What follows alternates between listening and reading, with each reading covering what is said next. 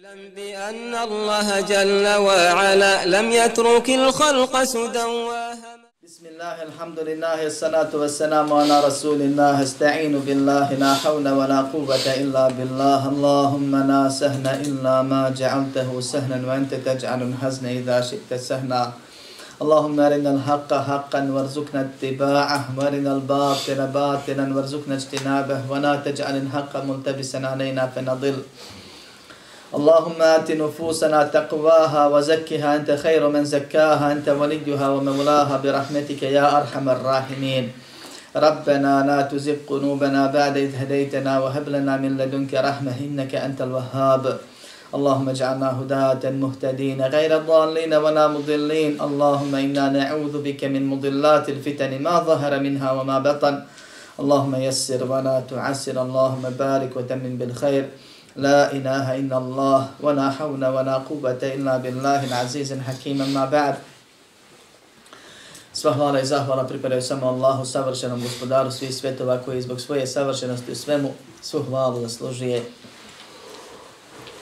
Allahu subhanahu wa ta'ala zahvalijemo također na svemu jer Allah je taj koji savršeno gospodari, savršeno potpunosti, bez mahane, bez greške i naređuje i zabranjuje i iskušava i blagodati kome hoće daruje. Od njeg pomoć, oprost i uputu tražimo, jer bez njegove dozvole i pokretanja ništa učiniti ne možemo, a već smo dobro zgriješili, ako nam Allah subhanahu wa ta'ala ne oprosti i kaznu smo već zaslužili. I znamo i ono što je Allah u Kur'anu poslani sa svemu hadisu, što su obavijestili, vjerujemo da koga Allah uputi napravi put, tome nema zablude, koga Allah u zabludi ostavi, tome nema ni pomagača, ni upućivača, zato od Allaha samo uputu tražimo. Salavate se nam na Allahova poslanika Muhammeda sallallahu aleyhi ve selleme kojeg je Allah subhanahu wa ta'ala poslao kao milo svjetovima da opomene i pozove, da poduči i pokaže kako se Allah subhanahu wa ta'ala obožava, kako se svaki ibadet samo njemu na najispravniji način i najiskrenije usmjerava, kako se sa stvorenjima svakome onako kako je određeno, kako se prema njima najljepše obhodi. Molim Allah da nas učini od iskrenih i ispravnih Allahovih robova i sljedbenika Muhammeda sallallahu alaihi wa sallam i da nas na tome poživi, usmrti i proživi. A zatim nastavljamo sa osobinama ehli sunata val džemaata koje se tiču ostalih stvorenja. Ono što je u njima i što se pokazuje i prenosi na sve one koji su oko njih. Vratit ću se malo nazad, jer prošli put smo govorili nekoliko tema, pa ćemo se posjetiti da šeh kaže, zatim oni, pored ovih temelja, to jest da sve mjere na osnovu Korana, sunata i konsensusa i onih temelja koji su spominjani od akide i dijelova akide o kojima smo govorili, sad će ako Bog da za 15 dana, tri godine, kako govorimo od početka knjige Tevhida, pa do danas sve to vezano za ove stvari, jer sve se vraća na Kur'an i sunnet po razumijevanju selefa ovog umeta. Kaže, zatim pored ovih temelja oni naređuju ili pozivaju na dobro i zabranjuju, odnosno odvraćaju od zla, onako kako to obavezuje šerijat, pa smo o tome govorili malo širnije, detaljnije prošli put. Zatim kaže, oni smatraju ispravnim uspostavljanje hađa i džihada i džuma i bajrama sa vladarima ili vođama, bilo oni bogobojazni ili grešnici, i čuvaju džemat namaza u džematu, džematski način namaza kao i zajednicu, kroz ovo malo prije što je spomenuto. A zatim šeh kaže, vajedinu ne bin nasiha lil umme i vjeruju da je ovaj ummet građen na nasihatu. I to će biti glavna tema večeras. Da je ova vjera nasihat I to je samo dio onoga što smo pročeli, što smo, o čemu smo govorili prošli put ili počeli govoriti, o čemu ćemo govoriti večeras i kasnije. A to je da je jedan od temelja vjere Islama bratstvo i jedinstvo. O jedinstvu smo govorili prošli put, o bratstvu ćemo malo šire danas, a to zajedno, zajedno čini, ako se onako kako šarija to obavezuje, svata i primjenjuje, to zajedno čini primjernu zajednicu s kojom je Allah subhanahu wa ta'ala zadovoljan i koju Allah hoće od nas. To zajedno čini islamski ispravan umet. Pa nakon što je šeheh spomenuo da se muslimani drže zajednice u onome što im je propisano i naređeno i rade to vođeni vođama koje je Allah, kojima je Allah vlast dao, bez obzira da li su oni s tim vođama slagali u svemu ili ne, da li bili isti njihovog menheđa ili ne, da li bili bogobojazni kao što trebaju ili ne, sve dok im naređuju ono što je Allah naredio i što dok čuvaju ono što je Allah naredio da se čuva i dok ih vode u onome što je Allah naredio da se zajednički radi ili pohvalnim učinio ili dozvolio, oni te vođe čuvaju, protiv njih pobunu ne dižu i ne smiju jer je to strogo zabranjeno, kao što je došlo u hadisima, vjerodostojnim kod muslima u sahihu i drugim, nego sebe prije svega radi ono što se tiče tebe, a ispravnije reći Allaha radi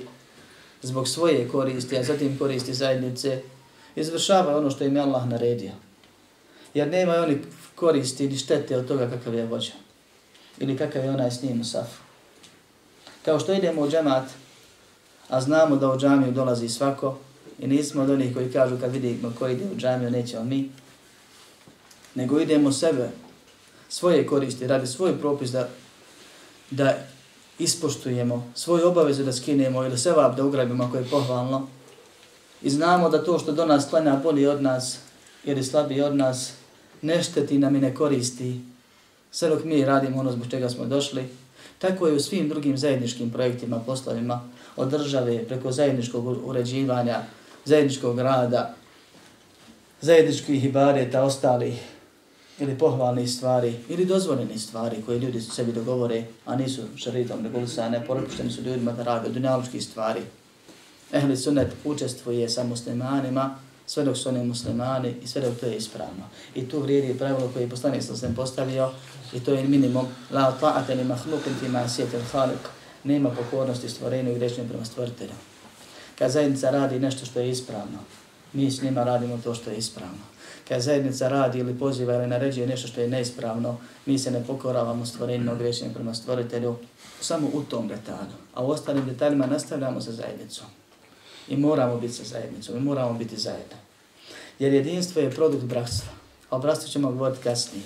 Allah je propisao nasihat i vjera je izgledana na nasihatu. A o nasihatu ćemo govoriti večeras prvo, pa onda o bratstvu, tako je šeha ovdje spomenuo. Sve se svodi na jedno. Da je islamski umet jedno tijelo. Da smo svi mi pojedinci, njegove ćelije, njegove organe. I da ne može organ otići i negdje sam izaći. I ne može funkcionisati bez ostatka, bez uvezanog sistema, kako bi činili živo tijelo. Može se insan raskomadati, ali to više nije živ insan. I džaba od tih organa, on je bio zdrav, ali više nije zdrav. Ista je stvar i poslanik sallallahu alejhi ve sellem je uporedio muslimane sa tijelom i uporedio muslimane sa građevinom. Kao što hrpa cigli ne znači ništa dok se ne izgrade u sistem i ne povežu vezom, malterom ili nečim drugim, pa naprave građevinu, pa ne može jedna cigla reći, ako je tamo cilj popustio na drugoj strani, sad se sve raziđe i odoše negdje, kad bi se razišli, to više ne bi te građevine bilo ništa, plus vezane su nečim. E tako u smislu mi muslimani, ne možemo se razići, ako se razidimo nema od nas ništa, plus vezani smo nečim što nam ne da da se raziđimo. O, to, o tome će biti govora malo kasnije. Idemo nastaviti dalje. Jer čuvanjem zajednice insan čuva sebe. Pojenta svega ovo što sam spomenuo je da čuvanjem zajednice insan čuva sebe. Ti si dio zajednice. Ti kao jedan organ u zdravom tijelu, ako izađeš, ni će tijelo biti zdravo, ni ćeš ti biti živ. I to treba dobro shvatiti. Iako je drugi dio tijela bolestan, nećeš ti iskočiti iz tijela i otići. I reći šta mene briga neću ja se razbolim i tako dalje. nego ima pravilo kako se liječi ili kako se periše i ostranjuje kad, šta, ako Bog da bit će malo detaljnije, samo u slučaju, ako Allah da da zaboravim, da napomenem odmah na početku, jer ovo što slijedi samo dio ovog jednog pravila opšteg, da muslimani rade zajedno, da je čovjek društveno biće, da muslimani su obavezni da žive u jednom umetu ako, su, ako je moguće, ako ne onda u drugim zajednicama kako je moguće, da muslimani jedni bez drugih ne mogu i da, su, da se muslimani, da muslimane veže islamsko bratstvo i zbog tog bratstva oni čine jedinstvo, da je jedinstvo obavezno samo na ispravnom. I da je zabranjeno činiti jedinstvo na zabludi, jer poslanik sa osvijem je rekao da se umet neće ujediniti na zabludi, kad bi svi se htjeli dogovoriti, hajde večera se moramo ujediniti, da nas neko sve zatvori muslimane u neku, neki prostor i kaže nećete izaći i mi kažemo nećemo izaći do zore dok se ne ujedinimo, možemo se ujediniti samo na istinu. U suprotnom do zora će doći i zore će proći, a nikad se nećemo dogovoriti. I to je nemoguće, zato imamo garancije. I zbog toga insan mora shvatiti umet kao jednu veliku zajednicu i će se dijelom te zajednice, a ne nečim drugim i mora čuvati zajednicu jer čuva time sebe. Pa kaže, va jedinune bin nasiha, smatraju da je vjera nasihat. Onaj hadis poznate temima Darija, u kome se kaže ad dinu nasiha, vjera je nasihat. Kod nas opšte preveden kao vjera je savjet. I to je velika greška. Iako ima smisla. Vjera je savjet, pa Allahu i poslaniku i Kur'anu i vođama muslimana i ostalim muslimanima. Pa onda moraš napregnu se kako da objasniš kako rob može savjetovati raba. I kako rob može savjetovati knjigu. Pa je li to savjet, nije to savjet, to se kaže tamo, amo neka, nije znači. Nasihat ne znači savjet, braću moja. To je jedno sporedno znači. Nasihat od nusa je uzeto od, znači, o korijen ove riječi ukazuje na jednu od dvije stvari. U arabskom jeziku se koristi za jednu ili dvije stvari. Prva je, znači, čišćenje od primjesa ili iskrenost, pročišćavanje. Da nešto znači uzmeš, počisti od se da ono bude čisto kako treba. I to se prevodi kao iskrenost. Druga, drugo značenje nasihata i nusha je I od toga je uzeto, za primjer, izrazi postoji kao nasih, nešto što je pročišćeno, ispravno, od primjesa, očišćeno i tako dalje. Drugo značenje nasihata je sladan odnos među dvije ili više stvari. Znači, dvije stvari najmanje čine jednu cijelinu koja je propisana, koja je ispravna. Da bi oni činili cijelinu, moraju da budu pravilno postavljene onako kako dolikuje. Ne moraju biti jednake. Muž i žena čine brak, oni nisu jednaki. Ali zajedno čine brak. Ne mogu dvije žene činiti brak, nek mogu dva muža činiti brak. To je nama jasno. Bez obzira šta se izmišljalo na dunjaluku. Iako nisu jednaki, Ali svako ima svoje i njih dvoje čine brak, na primjer, minimalno. Može i više. Ovaj. Ali nus ili nasihat je upravo ovo, braćemo. Da znači se postave stvari u jednu zajednicu, u jednu cijelinu, onako, sad se malo ozbiljite, onako kako je propisano šerijatom ili kako mora da bude da bi funkcionisali stvari. I to je nos, odnos, ali ispravan. Jedno znači riječi nosi, zato se nasihom zove krojač. Uzme dvije ili više krpa komada platna i sašije ih tako da oni čine odijelo. I svaki komad platna obavlja svoju funkciju koju drugi ne može. Pa nije, na primjer, odijelo bez rukava kako treba. A nije na rukavu ista količina platna ko naprijed ili nazad i tako dalje. Ali on to poreda postavi tako, skroji, da svaki komad ima svoju ulogu gdje zajednički čine nešto kako treba. I ako se tu pogriješi, to više nije dobro djelo, nije dobra zajednica, nije dobra cijelina. Pa znači, nus znači ispravan odnos. Ako uzmemo oba značenja, to bi značilo iskren i ispravan odnos iskren odnos. Vjera je iskren odnos. Ako odnosom se podrazumijeva ispravno, da budu postavljene stvari onako kako je određeno da bi funkcionisao. I zbog toga je u arapskom jeziku ova riječ koristina kao nasihat, kao savjet. I nasihat jeste savjet kod Arapa. Ali nije samo to značenje riječi nasihat. Jer savjet nije savjet ako nije zbog ovih osnovnih ciljeva. Jedan u pravu, da ne kažem dobar, drugi u krivu i po nekom pitanju loš, Allah naredi obojci da budu dobri.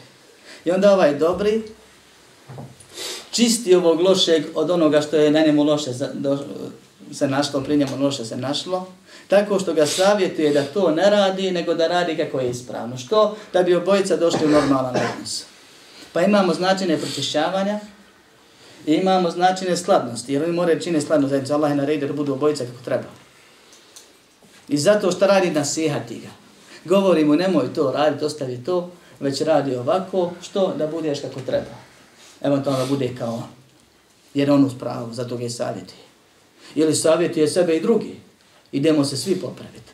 Kako? Tako što ćemo loše ostaviti, a onda ono ispravno primijeniti, pa ćemo biti u ispravnom, skladnom odnosu koje je Allah je prepisao.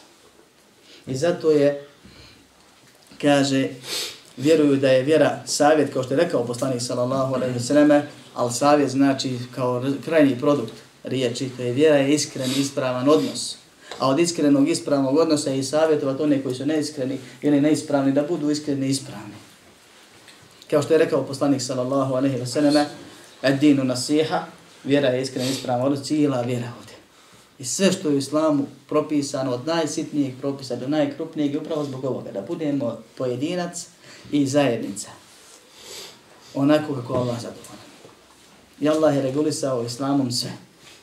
I ko primijeni sve u islamu, bit će, imat će ispre, iskren, ispravan odnos između sebe i rabba, gospodara, i iskreno, ispravno će se postaviti između sebe i stvorenja, bilo prirode, bilo ljudi, bilo muslima, nemuslimana, muslimana, komšija, rođaka, pretpostavljeni, onih kojima se nadređen, supruge, poslanika, Allahovih propisa i na kraju gospodara svijeta već sam spomenuo. I sve je ovo Islam regulisao. Imamo propise kako vjerovat, kako Allahu robovat, kako ibadetit, kako se obhoditi prema njegovim propisima, šta zna, za nas znači Kur'an, šta zna, za nas znači sunnet, šta za nas znači svetine Islama. Imamo propise kako se obhoditi prema pretpostavljenim, a to su Allahov poslanik sallallahu alaihi sallam, prije svega zatim učenjaci, zatim vladari, zatim roditelji i muž u odnosu na ostatak porodice. To su pretpostavljeni u islamu. Zatim oni koji ste pretpostavljeni u nekom segmentu tipa šef na poslu ili negdje drugo, to slušaš samo po, ono, po ugovoru, ništa više. I svako ima svoje prava. I svako ima svoje obaveze.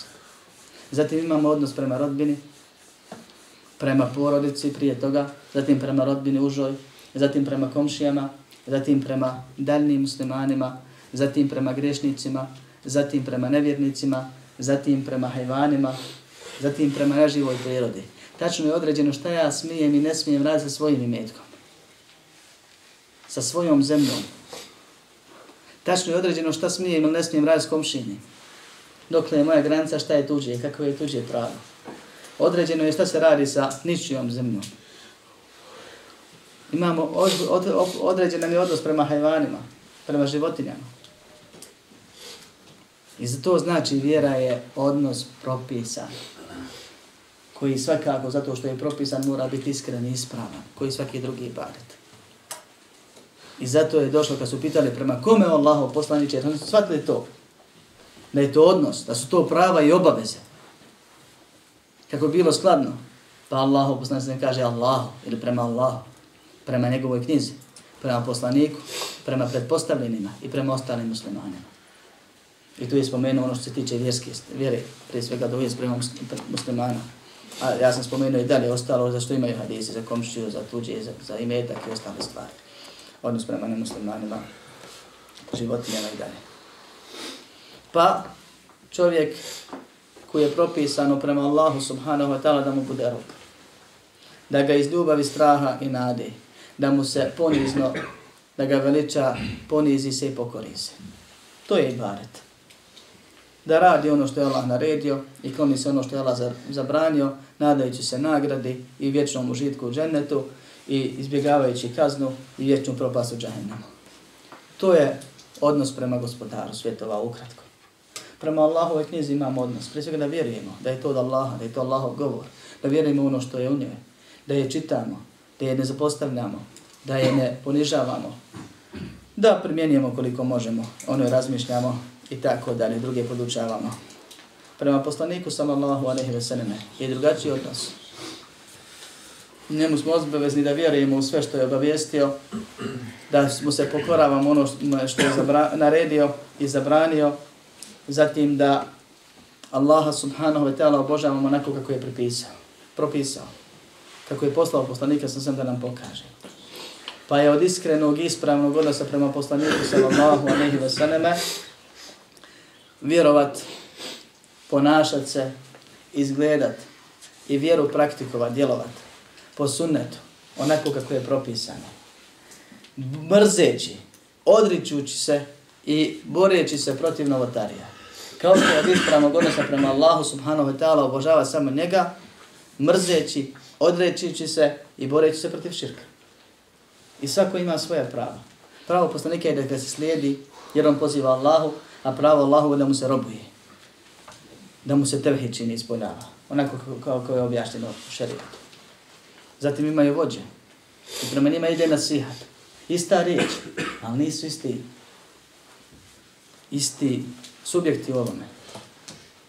Nije isto kad rob ima obavezu prema rabu i prema rabovom poslaniku, koji je rab poslo direktno tebi i meni i ostalima, i prema rabovom govoru, gospodarovom govoru, i prema stvorenju poput tebe koji je Allah dao nešto od vlasti te dnije.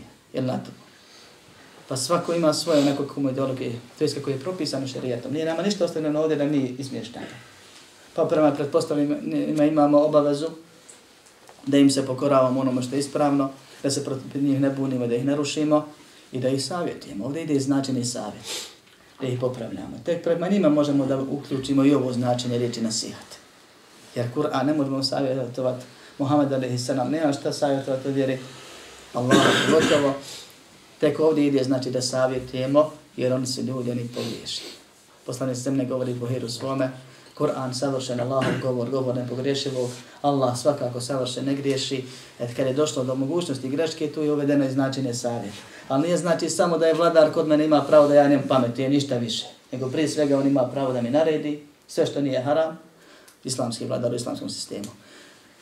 Zatim, ja imam obavezu da se pokorim, da slušam, da zajednički učestvujem i kad vidim grešku, nemam pravo da ga sramotim, ni da ga uklanjam, ni da pobunu dižem, nego imam obavezu da ga savjetujem. I to onako kako je propisano, ima tačno propisano šarijet kako se savjetuje vladar, nije isto ko ostale ljude. Jer je to posebno i osjetljivo mjesto i situacija. Zatim kaže prema ostalim vjernicima, prema ostalim muslimanima, prema njima imam obaveze onako opet ovaj odnosno na to ko su oni nama. Pa nije isto prema roditeljima i prema djeci i prava i obaveze. Nije isto prema suprugu, odnosno supruzi, supružniku, nije isto prema rodbini, prema komšiji, bližem i dalje, prema nekom tamo muslimanu. Ali svako, svako, za svakog nas od njih veže veza. Imamo obavezu i pravo kod svih. Jer oni su mi i mi smo oni. Bilo koji muslimanu historija, kamo li sad živi na planeti Zemlje i koji će doći kasnije, je dio jednog tijela koji se umezava. A kamo li ovi sve što su živi? I prema svakome imamo obaveze i prava, odnosno imamo propisan odnos ako dođemo u situaciju da komuniciramo. Zato kaže وَيَعْتَقِدُونَ مَعْنَا قَوْلِهِ sallallahu alayhi wa وَسَنَمَ Vjeruju, kaže, da je u značenje riječi poslanika sallallahu alejhi ve selleme kad je rekao al mu'minu lil mu'mini kal bunyan al marsus yashuddu ba'dahu ba'da kao što je kod Buhari i Muslima vjernik je vjerniku kaže poput čvrste građevine jedan drugog podupiru cigla ne visi u zraku osim na nizu cigli ispod nje. i svi ostali stvari koji čine građevinu. I naša građevina ima svoje temene, ima svoje stubove, ima svoje, znači, cigle, temeli i stubovi su Allahovi propisa onako koji je propisano na tevhidu i na šahadetu, građevina upstoji na namazu, postu zakijatu, vjerovanju Allaha, meleke, knjige, poslanike, sudnji dan i odredbu. A cigle smo mi, mi vjernici. I jedni druge podupirimo. I ovdje se kaže odnosi na potpune vjernike, jer takvi bi trebali da budu. A ne znači da smo u praksi takvi. Mi jesmo, hvala Allahu, inša Allah, vjernici. Ali nismo uvijek potpora jedni drugima. Ko što u građevine bude dijelova koji struhnu i pokvare se, ali nije kriva zgrada, kriv je taj dio. On je popustio, pa se njega mijenja ili popravlja. Krpi. Njega treba. I neće niko reći ružno ti zgrada, nego to treba popraviti, promijeniti. Oko kad baci insan na to, vidi mahano i osuđuje taj dio koji je pokvaren, koji je slab. Jer on je kriv, nije kriva zgrada. I svako od nas je kriv za svoje stanje i svoj loš odnos prema vjernicima. Nisu nije krivo ni vrijeme, ni vjernici, ni sistem, ni ovo, ni ono. Nego mi imamo odgovornosti koji se nas lično tiču. tiču. I koliko tu budemo ispravni, toliko smo pogodili u pravu i koliko tu podbacimo, ne, ne trebamo kriv nikog osim sebe.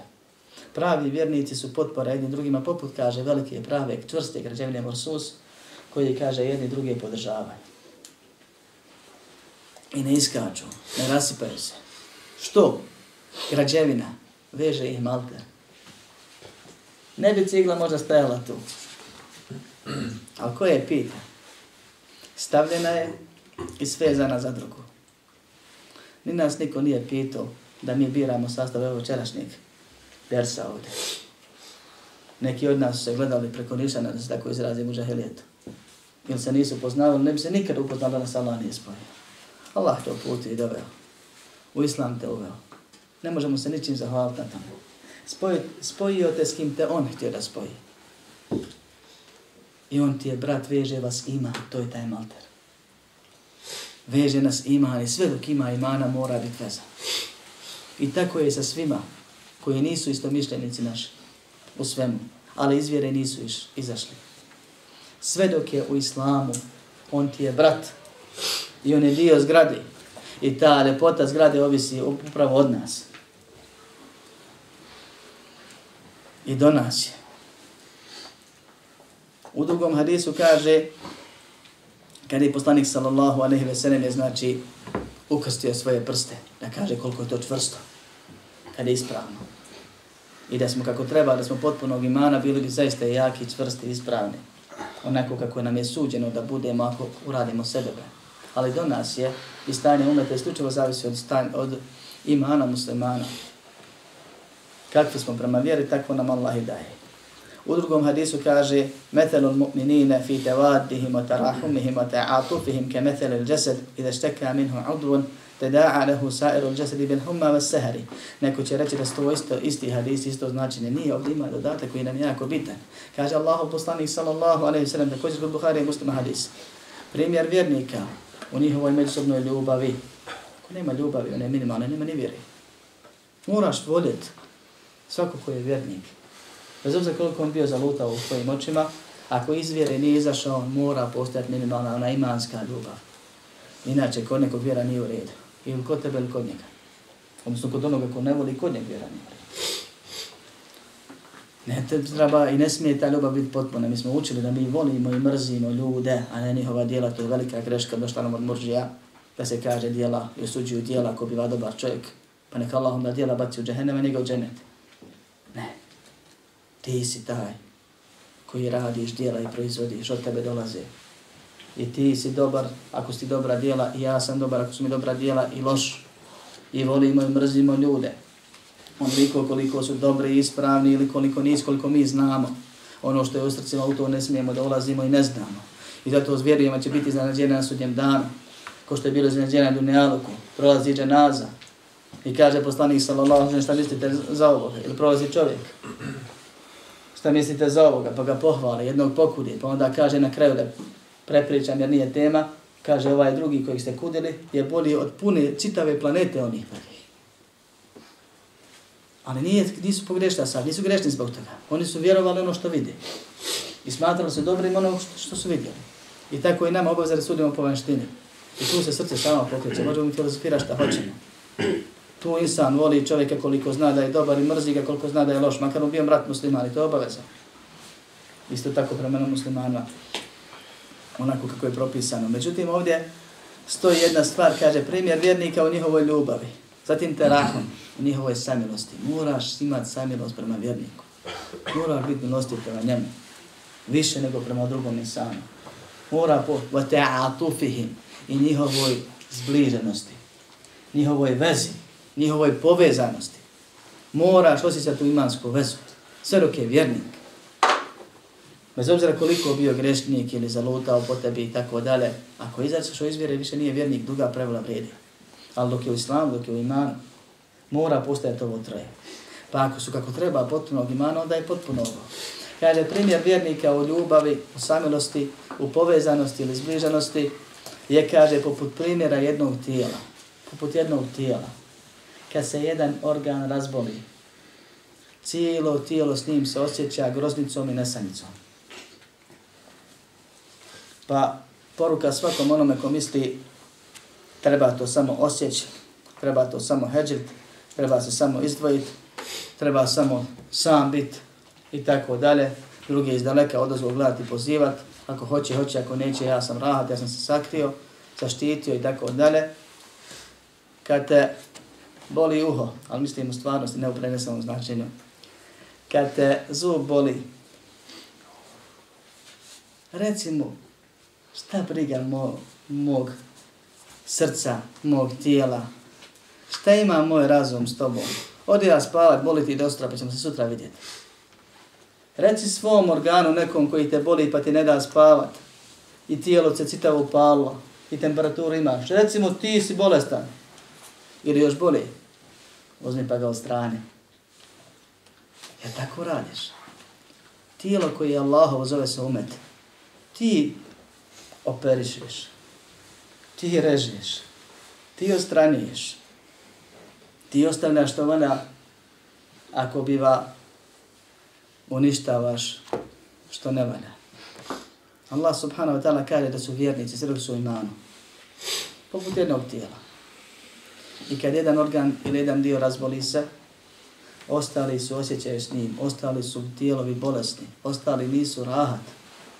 I zato savjetuju, i zato pozivaju, i zato se loše osjećaju. I zato su im dosadni, makar ovi ne. Čuvajući sebe prije svega. On nije rahat, jer voli, jer je samilostan, jer je povezan s njim. Pa ga boli, ako ga jedan dio tijela boli. I da smo kako treba vjernici ovako bi osjećali prema svima. A ne samo prema istovječljenicima ili ranima. Još više. A nekad u većem džematu samo se vidiš da se suosjećaju i pomažu oni koji su koji se češće viđaju i posjećuju. A kamo li se ostali muslimanima koji nisu tu zajedno? Ali koji svako dijelo, nije slučajno Allah, Allahu poslani sa svem koji ne govori po hiru svojom spomenuo građevinu malo prije, pa cigle kako jednak drugo podržavaju, kad? Kad su povezane. Prvo ima imana, ima i potpore. A ovdje kaže kao tijelo. Jer zaista u tijelu postoje bolovi i oboljenja koja, koja nužno iziskuju ostranjenje, operaciju. I sve je tu propisano šarijatom. Nekad možeš sačuvati tijelo tako što amputiraš jedan njegov tijelo. Ima u situacija u islamu kad se mora heđer, kad se mora odstraniti, da bi ostatak se sačuvao. Kad taja bolest, taj poremećaj, ta patološka promjena prođe, prijeđe granicu, kad se izgubi nada u potpravak. Ali prvo se liječi, prvo se pregleda. Neće insan sam sebi čim ga zaboli uzeti nođe od strane nešto nego ide doktoru pokušava izliječiti. Ako mu već nakon pretraga kažu da ne može, onda on nerado pristane da bi život sačuvao, da mu se jedan dio strani kako bi ostalo sačuvano. E tako se umetu radi. Popravlja se dok god se popraviti može. Ne ostranjujemo mi ništa svojim pravilima, svojim voljom. Ne kažemo pozivao sam te pet godina, nisi htio, sad si gotov. Jer je to zabran, imamo hadise za te stvari. Ja je to u Koranu nego sve dok se može liječiti, liječimo dok smo živi. A kad se mora veći problem spriječiti, da sprečavamo. onako kako je šerijetski propisano. I zato sve ove stvari postoje u šerijatu i sve su regulisane odnosom vjerskim. Imaju propise. Ko što nije isti odnos prema roditelju i prema komšiji, prema komšiji i prema drugom vjerniku, prema rođaku i prema nekome ko nije rođak, prema insanu i prema hajvanu, tako nisu isti odnosi prema svakom lošem ili zalutavom muslimanu. Nego ima sve regulisano u šerijatu. Pa se samo uspjeti popraviti stanje može ispravno, iskreno živjeti i odnos sa Allahom sačuvati i uspostaviti svega ako se bude radilo po šerijaskim pravilima, a ne po svojim mišljenjima. Ko zna primjenje, ko ne zna pita, pa nauči pa primjenjuje. I nema trećeg načina. Kogod pokuša, pogriješće. Kogod proba, neće uspjeti. I ovo se ne proba, ovo se nauči pa primjenjuje. Nakon ovih stvari, kaže šejh rahimahullah, wa ya'muruna bis sabri inda al-bala wa shukri inda ar-raha Kaže naređuju, to je smatra obaveznim i drugima to preporučuju na, po, naređuju. Strpljivost na iskušenjima. Zahvalnost na blagodatima i zadovoljstvo sa gorkim Allahovim odredbama. Ove tri stvari zahtijevaju dersove, a ne ders. Ja svakako nisam planirao ovdje pričati plaho o ovome, osim što ću spomenuti da je sabr obavezan i minimalan i propisan i da je to dijelo srca, da je čovjek obavezan da osaburi na onome što mu Allah da, jer svakako promijeniti nije mogao i ništa ne može uraditi. Jer ako bude kukao i protivio se, samo može još grije zaraditi i kaznu zaslužiti i sebe još više upropasiti. Po prvi stanje neće kukanje. I zato je obaveza saboriti. A može čovjek iznad toga da bude zahvalan, zadovoljan i zahvalan, još više. O tome smo govorili govorit ćemo. I po pitanju sabora i šukra i istikfara i zadovoljstva imaju snima, snimljeni dersovi pod nazivom serijal Ključevi sreće. Ko hoće detaljnije može naći na internetu. Ovaj, svaki, svaka tema der za sebe. Međutim, spomenut ćemo ovdje samo ono što je nužno, da je sabor propisan da je to dijelo srca. Da je šukur ili zahval Allahu na blagodatima propisane naređene, da Allah prijeti onima koji nisu zahvalni. Da znaš da je svaka blagodat koju imaš od Allaha i to date ti na uživanje istovremeno iskušenje. Jer ako budeš u hramu koristio teško tebe. Ili raspao teško tebe. I ono što imaš od imetka ima propisano što smiješ njim raditi. I da je svaka Allahova odredba iziskuje sabor minimalno a pohvalno i trebalo bi da bude zadovoljstvo. Zato, braćo moja, što savršen ne griješi. Bilo koji belaj, bilo koje jačine, u bilo kojeg vremena, kad zadesi mene, sve drugo je neispravno. Sve drugo je greška. Znači, trebalo me da zadesi u tom momentu toliko da me zaboli ili ošteti, u nečemu kao što je gubljenje imetka, života, života zdravlja i nečega drugoga. I nije valjalo ni manje ni više, ni prije ni kasnije, jer je to Allah odredio. I Allah ne daje nam iskušenja osim radi nas. I svako iskušenje je blagodat. Insan kad ovo shvati treba da bude zadovoljan. Ali nije obavezan, jer zadovoljstvo je da ne želiš da prođe. Zato što znaš da je hajer. Iako te boli, iako te rastuži, iako te brine, iako ti fali, uskraćen si nešto od dunjaluka, ali znaš da je to savršenstvo da je, i ne želiš da prođe. To je zadovoljstvo, to je nivo kojeg ne može svako ostvariti. Zato nije obavezan. Obavezno je strpljivost. Da osaboriš. Ali oni preporučuju ehli sunnet da se bude zadovoljno jer blago onome ko spozna i ko me naumpadne u momentu belaje da savršen ne griješi. Samo to. Dva, tri, dvije, dvije tri riječi u jednoj kraćoj rečenci koje te mijenaju stane iz temera. Ako ti Allah dare ti da naumano. I onda se drugačije postaviš i drugačije reaguješ i na kraju vidiš i zadovoljan i sretan budeš ubrzo jer nijedan belaj ne traje već. Allah tako smijenije. Malo iskušenja, malo više blagodati. Dvije blagodati, jedno iskušenje i tako život prolazi. Samo mi što mi primijetimo loše, a ne primijetimo dobro, pa do nas je. Ove tri stvari za temelj ili počinje i prelazi šeh na konkretne moralne osobine, A osnova morala je u srcu, to smo već govorili. Da voliš bratu što voliš sebi. Da voliš drugima što voliš sebi. I zbog toga svakome dajemo njihovo pravo, jer i mi tražimo svoje prava kad se nađemo u njihovoj situaciji ili u onome gdje mi imamo prava. I svakome želimo dobro, pa neke pozivamo, nekima naređujemo, neke savjetujemo. I zbog sebe, a zatim zbog ostatka zajednice, zato što smo jedno tijelo, s drugima suosjećamo i sebe i druge čuvamo i ne bi volili da nas neko amputira ako smo bolesni, volili bi da nas liječi, pa izliječi, a ne da nas odsjeće, ostrani da struhnemo i baci u smeće. Tako isto znači druge popravljamo koliko možemo, ne odrećemo se, osim onda kad šerijat zahtjeva, je to opet savršen negreš, onaj koji propisa da se treba nešto strant, tad se mora, tad je jedini lijek to. I mnoge druge stvari, međutim osnova toga je ono što u srcu vjerujemo, što osjećamo. I zato kaže, ويدعون إلى مكارم الأخلاق ومحاسن الأعمال ويعتقدون معنى قوله صلى الله عليه وسلم أكمل المؤمنين إيمانا أحسنهم خلقا kaže pozivaju u vrhunski ahlak, vrhunski moral i u najlepša dijela, vjerujući da je istina ono što poslanik sallallahu alaihi wasallam kaže, najpotpunijeg imana su oni vjernici koji su najboljeg morala ili najljepšeg ponašanja. Ili kao što kaže poslanik sallallahu alaihi wasallam, bu'ithtu ili innama bu'ithtu ni utemnimu mekarim al-akhlaq ili husna al-khulq, pošto je došlo u drugom rivajetu, kaže poslan sam da upotpunim čud kod ljudi, moral kod ljudi, to vrhunski mekarim. Mekarim od kerem ili plemenitost, to znači od svake vrste najbolji. Pa kaže vrhunski ahlak i pozivaju ehli sunnet u vrhunski ahlak. I ovo je, je bitno da se stane, pa ćemo nastaviti dalje še kasnije konkretne osobine spominje, to ćemo ako Bog da u sljedećem predavanju. Ovdje je bitno da znamo jednu stvar.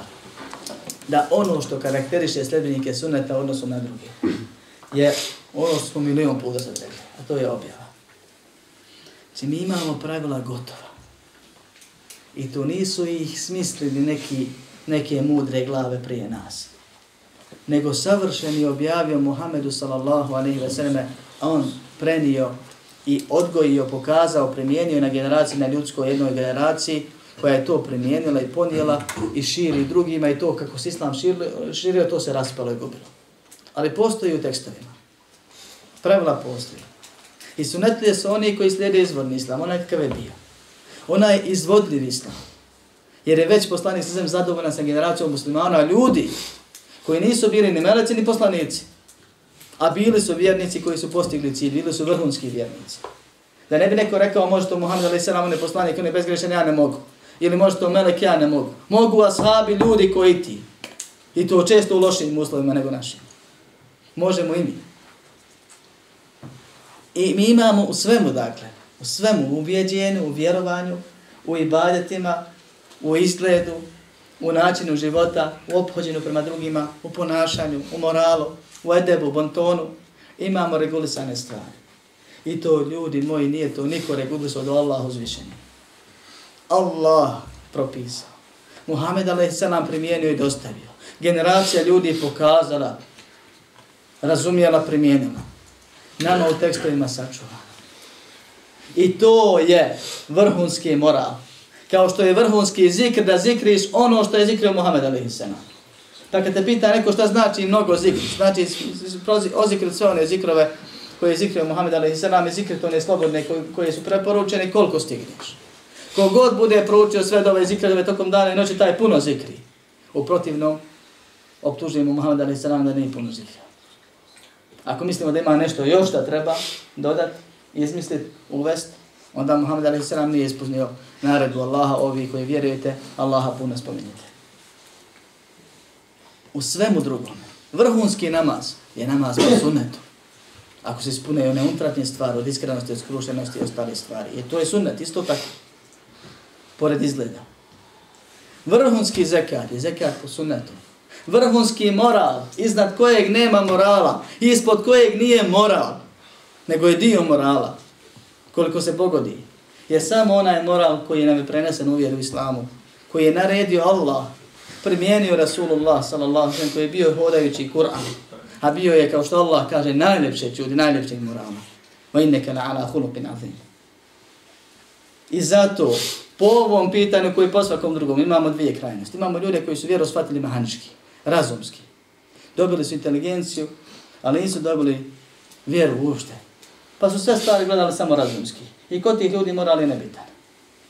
I zato su spremni učiniti sve da uklone svako ko im na putu stoji. Poput Mu'tazira i drugih sekti koji se pozivaju na razum, da su oni prosvjetljeni, osvjetljeni, ali Kur'an kako treba ne vjeruju, i mnoge koji je svjetlo Allahovo na zemlji, pa kako da budu prosvjetljeni? Pa su radili šta su radili. Od atentata preko huškanja na sunetlije i na ostale stvari. I nisu uopšte pazili na neosnovne stvari. Nisu željeli drugima što žele sebi. Nego su samo željeli da ostvare svoje. I kogod se ne bavi ahlakom, ne bavi moralom, ima ove sebičnosti i oholosti, što je suprotno sa islamskim moralom, gdje samo gleda sebe. A to je zabranjeno, to je nespojivo sa, sa stanjem muslimana. S druge strane imamo ljude koji su samo vide da je poslanik poslan samo da upotpuni moral, kao da nema drugog hadisa. Ja, eto, zašto smo stvoreni, šta trebamo. Pa im je malo bilo moral Muhammed a.s. Nego su sjeli onda nešto dorađuju, da odrađuju, šta treba, šta ne treba. Zadubili se u to. Istrenirali se. Pa su onda zalutali na različite načine, po različitim dijelovima i pitanjima koji se tiču morala, ili su zapostavili neke nužne stvari od vjere pod izgovorom vođenja brige o moralu, širenja morala, primjenje morala i tako dalje. I onda dođe i kaže sve najgore onima koji su na sunnetu. I to biva iz, dvije, iz dva razloga. Jedni otišli otvoreno potvaraju lažu, a drugi su umislili sebi, jer su tako neispravno naučeni, da je moral nešto više od onoga što je Allah propisao. Pa on stvarno vidi sunetliju da nije dobacio, da nije upotpunio potpuni. Nego misli da je moral više nešto i onda nisi ti na tom nekom zamišljenom nivou i nisi do, ba, nisi hlak. Ono što je propisano vjerom, to je vrhunski moral. I osnova toga je u srcu. I to se pokazuje na dijelima i minimalni moralan insan je onaj koji drugima ne čini zlo, koji svakom daje njegovo pravo. A od morala je da činiš dobro i pozivaš u dobro i da kad moraš žrtvuješ sebe radi drugih. Ali to je pohvalno i to je više. I sve, za sve to imamo dokaze i primjere u šarijatu. Ali ono što je propisano i kad bismo to primijenili, bili bismo vrhunskog morala i u to pozivaju sunetlije, u to pozivaju prave selefije, ne ove hibridne danas što se pojavljuju, u to pozivaju, znači, ovaj, ehli sunnet val džamaat i po tome radi. I tvoje neviđenje te situacije i tog stanja može biti razlog, je iz jednog od tri razloga. Prvo, da oni koji se pozivaju na to ne, nisu razumjeli i ne primjenjuju to ispravno. Jedno je priča, drugo su djelo. Ako ne vidimo ta djelo, i što je činjenica danas. Drugo je da ti ne znaš šta je moral, ili ne mariš za njim pa potvaraš, zato što ne biraš sredstva da je ukloni puta, smetaju ti. I to je bilo i bit će kroz historiju Islama. I treće je da si ti pretjero po tom pitanju pa postoje nekakve vrijednosti koje ti smatraš da su moralne, one su pretjerivanje u šerijatu, pa stvarno vidiš da ovi o kojima pričaš nisu dot na tom nivou, pa ih potvaraš da su lošeg ili nedovoljno dobrog morala. U svakom slučaju mjera je vjera. A vjeru je Allah objavio i nije dozvolio ljudima da izmišljaju, dorađuju, prepravljaju. Pa ko bude, znači, se držao vjere kao jedine ispravne mjere, bit će i ispravan u vjerovanju, ispravan u djelovanju i ispravan, odnosno najbolji u ponašanju i najsretniji na ovom i na onom svijetu. I obaveze je se držati, držati ovih stvari kao se obaveza držati vjerovanje i djelovanje. Naravno, vjerovanje je najispravnije, pa i bariti, najbitnije, najkorisnije pa i bariti pa ostale stvari, ali mnogi će ljudi zbog svojih jezika u džehennemu biti, a to nije vezano za prve dvije, nego upravo za odnos sprem stvorenja, Pa da uzmemo pouku dok još vremena imamo i da se popravimo i da se ne kolebamo ako nas neko potvara i da se ne stidimo onih koji su ispravni zato što ih neko smatra neispravnim, nego da nastavimo ponosno ako znamo i naučili smo šta je ispravno, da se tjeramo, da to uvedemo u svoj život, a zatim da na tome da ustrajemo, da se toga ne stidimo, nego da drugima širimo Molim Allah subhanahu wa ta'ala da nas pomogne od svakog zla sačuva i da nas uputi, da živimo sebi i drugima, Allaha radi dobro činimo, a kad preselimo smrtne muke, da budu zadnje muke koje osjetimo, da u kaburu već počnemo vječno da uživamo. Amin. Walhamdulillahi rabbil alamin. اعلم بأن الله جل وعلا لم يترك الخلق سدى